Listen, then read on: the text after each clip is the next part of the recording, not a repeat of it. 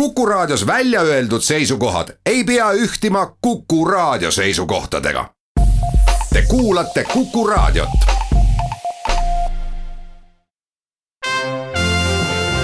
Tallinna Filharmoonia esitleb Filharmooniline huvitaja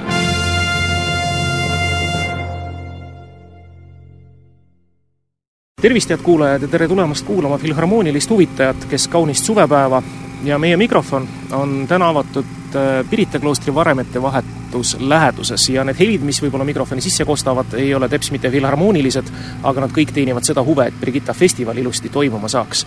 ja ütlemata hea meel on Tallinna Filharmoonia direktori Margit Antsiga kõnelda, tere Margit! tervist!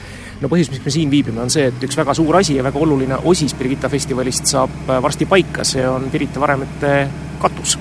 jaa, see loodetavasti, kuna meil on ilmaga tõepoolest vedanud, sest ütleme, et suvi ei ole eestlast hellitanud, aga Birgitta festivali alguseks on ilm suurepärane ja, ja kõik ehitustööd on siiani väga sujuvalt läinud kõrval on siis jah, Itali kraanamill Lätis suisa kohale tellitud, mis seda katust hakkab paika panema, eks me sellest katusest jõuame ka kõnelda. aga Margit, räägime siis nüüd sellest, et neljandast kolmeteistkümnenda augustini, no ütleme, suure pungiga minnakse peale, siin hinnaalandust ei tehta, Haydn, Verdi, Puccini ja loomulikult Ravel ja Mussorgski. me võime uhkusega öelda, et meil on tänavu kavas kaks äh, maailmaklassika tõelist tähtteost, Verdi Traviata ja Puccini Tosca. samuti jätkame ka oma vokaalsümfooniliste lavastuste traditsiooni ja eelmisel aastal oli meil Mozarti Requiem, üle-eelmisel aastal oli meil Haydni oratoorium loomine ja sellel aastal on sellesama tiimi poolt, kes kahe tuhande viieteistkümnendal aastal siis nii-öelda maailma lõi, ette valmistatud Haydni lavastatud oratoorium aastaajad. kui kahe tuhande viieteistkümnendal aastal sai maailm loodud, siis nüüd saab sellele maailmale natukene lähemalt otsa vaadatud ja et see ei ole tegelikult ainult selline looduse ring, kevad, suvi, sügis, talv, vaid ka iga inimese nagu elu areng ja muutused ajas. Ja ka sellel korral on meil lavastajaks Rann-Artur Braun, kes on ju teada-tuntud ka võistluskunstide koreograaf ja, ja talle väga sobib selline, ütleme, visuaalselt efektne lavashow. Ja sellel aastal on kaasatud akrobaadid, liaanide otsas rippuvad tantsijad ja Rann süttis ka väga meie nii-öelda rahvuslikust äh, spordist kiikingust, nii et sellel aastal on laval ka kiiking. ja festivali me lõpetame Läti rahvusballetiga, kust meil siis tuleb kaks lavastust, üks on kogu pere etendus, ballett Karlsson lendab, ja lõpetame festivali imekauni poeetilise lühiballettide õhtuga Bolero. ohoo, ma jäin seda Haydnit kohe vaimusilmas ette kujutama, ma kas on sellele üldse mingisugust žanri määratlust, kui sinna on kaasatud akrobaadid, kiiking, tegemist on oratooriumiga aastaajad ikkagi? No me määratlemegi seda žanrit, et see on lavastatud äh, oratoorium, ehk siis äh, kui me oleme tavaliselt harjunud selliseid äh, vokaalsümfoonilisi suurvorme kuulama kontserdisaalis, kus lavastust juures ei ole, siis tegelikult see materjal mida helilooja on loonud, annab ju väga palju võimalust tegelikult sinna juurde luua ka pildiline pool. see on midagi tõesti pöörast ja see tahab saada ikka väga täpset ja, ja väga nõudlikku prooviprotsessi. Proovid tegelikult käivad juba ammu, sest et äh, RAN resideerub äh, praegu Poolas ja tantsijad on meil Poznani suurest teatrist ja akrobaadid samuti, nii et need äh, proovid käivad Poolas juba, juba ammu talvest alates. ja siis ütleme, selline intensiivsem periood hakkab nüüd juulis Riias, kuna meil on Läti riiklik koor Latvia, siis muusikaproovid ja lavastusproovid toimuvad kooriga kõigepealt Riias ja siis saadakse siin kokku kolmekümne esimesel juulil on siis esimene proov Pirita kloostris, kus siis kõik erinevad osapooled saavad kokku. solistid, koor, orkester ja tantsijad. kui me räägime järgmistest etendustest, milleks on siis Verdi Traviata ja meil on Puccini Tosca, kas äh, seal on ka üllatusi oodata nüüd audiovisuaalses pildis, tulevad ka need kuidagi teistmoodi ettekandmisele ja erilise fantaasiaga või on siin ikkagi päris ooperiklassikaga tegemist? sellel aastal on huvitav see, et mõlemad äh, ooperid on lavastatud draamalavastajate poolt. tänapäeval inimene ju ei taha enam lihtsalt kuulata ilusat muusikat, vaid ta tegelikult tahab kogeda mingit lugu, mis teda puudutab ja väga palju juba ooperimaailmas tegelikult kasutataksegi seda, et oopereid lavastavad tegelikult draamalavastajad. aga kui rääkida nüüd sellest kahest lavastusest, siis eh, esimene Traviata on toodud kaasaegsesse võtmesse, sest ka tegelikult Verdi omal ajal tahtis, eh, et see lugu oleks kaasajas. ja meile, meile armastatud draamanäitleja ja lavastaja Anu Lamp on siis eh, toonud selle loo ka tänapäeva. aga Puccini Tosca, kelle lavastaja on Blanche McIntyre, üks Inglise noor tunnustatud naislavastaja, tema läheneb oma materjali väga traditsiooniliselt ja väga peenetundeliselt. niimoodi, et meie kava on selles mõttes väga mitmekesine, et meil on kaks ooperit, aga üks on toodud kaasaegsesse võtmesse, aga teine jälgib selliseid häid ooperitraditsioone sellises autentses vormis, nagu selle ooperi publikuni. ja Karlsson lendab see on ikka selline etendus, kuhu tasub loomulikult kogu perega tulla, lapsed kaasa võtta ja see on praktiliselt vast ongi siis vanusele kaks pluss kõigile arusaadav. jaa, me oleme ise ka uhked, et meil ei ole nagu traditsioon tegelikult see, et meie festivali programmis oleks midagi kogu perele, aga ma arvan, et seda suunda me tahame kindlasti jätkata, et äh, tegelikult see on ju fantastiline keskkond ja noor võimalikult vara tegelikult satuks, puutuks kokku muusikateatriga ja see on äh, Astrid Lindgreni teose maailma esmakordne balletiversioon. balletti on kirjutanud Läti helilooja Juris Karsons, mis on selline vaimukas nüanss. see etendus pälvis ka kahe tuhande kolmeteistkümnendal aastal Läti muusikaauhindadel äh, tiitli kui parim produktsioon. nii et ma väga soovitan seda, see on visuaalselt väga atraktiivne ja väga sellise paraja pikkusega laste jaoks ja ma usun, et kogu perega on siin sellist äh, mõnusat vaatamist ja, ja rõõmsat äratundmist. ja jäänud on veel siis see ballettide kogumik, Mussorgski, Ravel, Bolero. Need on kolm äh, lühiballetti, esimene on Mussorgski pildid näituselt ainetel, teine baseerub Ravelli Daphnisel ja Chloel, imekaunis armastuslugu, ja festivali me lõpetame tõelise muusikaliteratuuri tähtteosega Ravelli Bolero, mis on siis lavastatud Ungari andeka lavastaja poolt.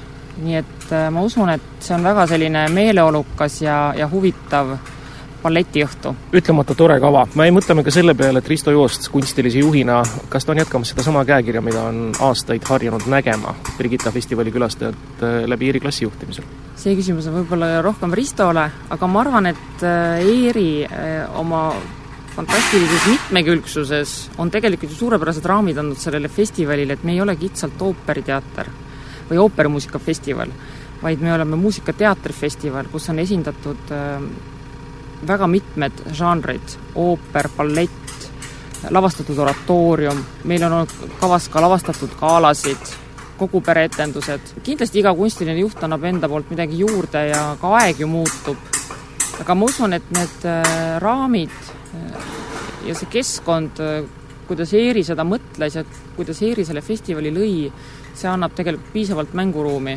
igale ühele, kes tuleb seda festivali edasi arendama.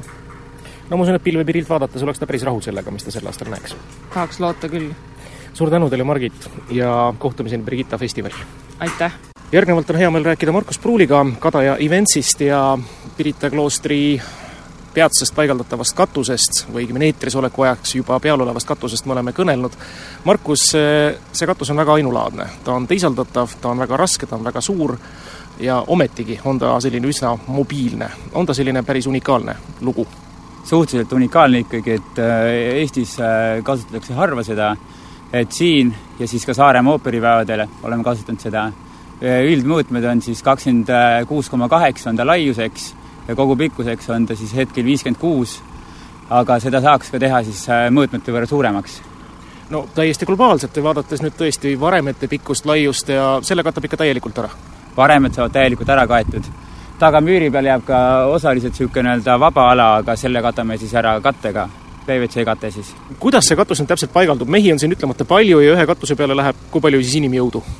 Hetkel on inimjõudu kasutatud äh, neli meest on üleval, kes paigaldavad siis äh, ta vöö peale ja all on kasutuses hetkel kümme töötajat, kes siis äh, paigaldavad hetkel seda kokku mismoodi see katus välja näeb, kas te rullite ta lahti või on ta ühes tervikus kohal või, või mismoodi te sätite? kate on ühes tükis, kakskümmend kaheksa meetrit pikk, kaks viiskümmend seitse on laiuseks ja ta läheb ühes tükis ja teda tõmmatakse siis siini. et katel on vahed sees, kus ta siis liigub sisse, et tekiks vee kindlus. mis materjalist see katus on? katus on PVC-st. ta on põhimõtteliselt kile, ta on kahekordselt paks, et ta oleks kandevõimena, et seal peal põhimõtteliselt võiks inimene kõndida katte peal, kui on vajadus, või siis et lume pärast on ka kandevõime selline. on seda kandevõimet ka proovile pandud? otseselt seda proovida nii nagu ei ole otstarbekas, aga seal peal on käidud ka, et kaks meest ühes vahes käimiseks on täitsa mõistlik. nii et peab kinni vihmanuge, raheterasid ja mida iganes? Täpselt, et kõik on eh, välja mõeldud. Kuidas teil on, kas te sellist katust paigaldades eh, suurt üritust ette valmistades, on ta siis Saaremaa ooperipäevad, on ta siis nüüd Brigitta festival, kas te peate nõu ka nii-öelda kunstilise juhiga, tal on võib-olla omad helilised nõudmised, et katus võib-olla peegeldab mingit heli hästi tagasi ja nii edasi? Äh, need on kõik jah, alguses äh, nii-öelda läbi räägitud, aga kuna katusel on ikkagi standardsed äh, omadused ja struktuur, et siis on osaliselt saab neid arvestada, aga üldiselt mitte pigem no tegelikult on Pirita kloostri varemed sajandid ilma katuseta püsinud, kas te tunnete ennast natuke sellise ajaloolise arhitektina ka, juhul kui teil õnnestub nüüd augustiks tõesti see katus peale jätta ja tunda, et vaadake, me oleme jälle elu siia sisse puhunud, me oleme siia katuse peale ehitanud ja natukene arhitektuuri ajalugu teinud?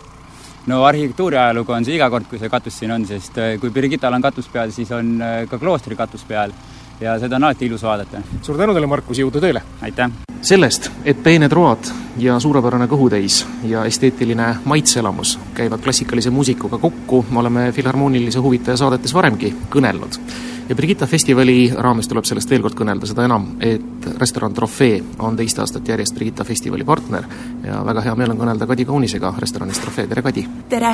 Kadi, kui tuleb teile selline vastav ettepanek tulla partneriks mõnele suurele muusikaüritusele või kontserdile, millest esimesena lähtute menüüd koostades, kas te nõuate endale kõigepealt ka festivali programmi, et siis vaadata, et näiteks Haydni aasta aegadega sobib hästi kokku see roog ja, ja mõne teise ooperiga hoopis teine toit? eks natukene ole ikka ka sellel rolli, aga pigem on ikkagist kogu see festivali üld, kuidas siis öelda, see üldmõte, kuidas see üldiselt välja näeb, et see on meie jaoks kõige olulisem.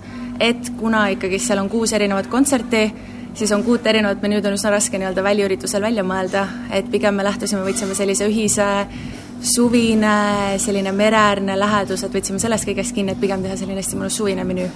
kuidas see protsess tavaliselt käib? kui ütleme, pöördutakse teie poole, kuidas peakokk fantaasia hakkab tööle, lähetab juba oma abilised turule, tooraine järele ja nii edasi? kui tulebki siis nii-öelda vastav palve, siis hakkamegi, kõigepealt istumegi peakokaga maha, räägime üldsegi kogu sellest, millal see toimub, kuidas see toimub, kuidas see ülesehitus on, ja peakokk siis vastavalt sellele panebki menüü kokku. et kuna ka Birgitta on väliõhuüritus, see ei ole selline, et road on kõik a la carte, ehk siis me ehitame välja a la carte roogadele vastava köögi. ehk siis see on see kõige nii-öelda, toidud tulevad köögist lihtsalt välja, mõtted peakokal lendlevad, fantaasia on väga lai. aga just see, kuidas see seal kohapeal niimoodi tehniliselt ilusalt ka taldrikule jõuab, vot see on see teine pool, millele tuleb just mõelda, et mis seadmeid on sinna vaja, milliseks me köögi seal ehitame, et see on just see kõige keerulisem pool tegelikkuses. Jõuamegi menüü juurde, vabandame nende kuulajate eest, kellel veel lõunasöök on söömata, ja ilmselgelt eh, anname siis vihjed ette eelroogadeks siis suitsuna lõhe, suvine värskus ja tere Itaalia. no lõhest ma saan aru, suvisest värskusest tere Itaaliast mitte nii väga. no Itaalia, hästi paljud kusjuures just küsisid, et tegelikkuses kui trofee on tegelikkuses meil selline Põhjala köök, et ikkagist hästi paljud arvasid, et me rohkem sellise Põhjala, sellise karge, sellise kuidas siis öelda, sellise hästi raske menüüga, siis me ikkagist mõtlesime, et natukene ikkagi sellist suvist poolt ja Itaalia millegipärast inimestele väga meeldib ja siis mulle tundus, et see võiks nagu hästi huvitav selline nüanss olla, et kui inimesed saavadki tavaliselt kõigest aru, siis üks selline väike, meil on tegelikult menüüs, kui me jõuame varsti pearoogadeni, siis on kaks üllatust sellist, millega inimesed väga harjunud ei ole. aga mõtlesime jah, et see mozzarella tomatisalat on selline traditsiooniliselt mõnusa maitsega ja tegelikult suveõhtule väga, väga kohane väga tore ja pearoad siis kirsipart, Põhjala lõhe ja double black burger. vaat seda nüüd ei oska küll väga esimese hooga kohe suure ooperifestivaliga ja klassikalise muusikafestivaliga seostada, aga see on natuke peenem lugu. See ongi täpselt selline, et äh, me mõtleme, me ei taha olla selles ühes kastis kinni, et tahame mõelda natuke laiemalt. Ja eelmisel aastal me nägime, et äh, sinna tulidki sellised mehed, kes, kellele meeldib ooper, aga nad tahaksid sellist neile ei meeldi selline a la carte roog, nad tahavad sellist midagi mehelikku ja nad tahavad just seda burgerit. ja praegult on inimesed ka juba teinud nii-öelda et-, nii-öelda eelvalikuid ja väga paljud on valinud just burgeri, juba sellepärast, et ta ei ole selline klassikaline burger, et äh, nagu sa McDonaldsist ikkagi saad, et seal on must burgerisaim, mis on Eesti turul üsna uus, seal on ikkagi sada protsenti veiseliha pihv, kõik need kastmed, kõik see salat, et ta ei ole selline, et sa võtad kätte ja kahe käega sööd, et aga ta on natukene ütleme nii, et klassikalisem ja ilusam burger no dessertide juures siis me jõuame traditsioonideni jäätis, juustukook ja eine tiramisu, et ilma selleta kohe kuidagi ei saa. kõik on sellised mõnusalt jäised äh, suveõhtusele kohaselt, et see aasta me oleme juba kõikidega läbi rääkinud, et ilm tuleb ilus, et äh, kui päike paistab, siis saad ikkagist midagi head ja jahutavat äh, nautida. kuidas nüüd põhimõtteliselt olema saab, ma tulen kontserdile, kas ma kontserdipiletitega koos saan juba siis ka teie restorani pääsmed? Need saab nüüd eraldi osta, Piletilevis saab eraldi osta või siis läbi Tallinna Filharmoonia saab neid samuti eraldi osta. Aga kui ma tulen koha peale ja kõht läheb koha peal tühjaks? siis saab samamoodi tulla, et tegelikkuses on kolm käiku või kui tulete koha peale, soovite ainult salatit, saab ka ainult salatit koha peal tellida, et restoran mahutab kuuskümmend inimest, muidugi on alati parem reserveering teha, sest eelmine aasta näitas, et äh, me olime juba eelmisel aastal üsna populaarsed, see aasta sooviks siis igal õhtul ikkagist kohad täis müüa. et mitte kohast ilma jääda, tasub kindlasti kohad eelnevalt broneerida. suur tänu teile, Kadi, ja kohtumiseni siis Birgitta festivalil! kohtume Birgitta festivalil! Tallinna Filharmoonia esitleb Filharmooniline huvitaja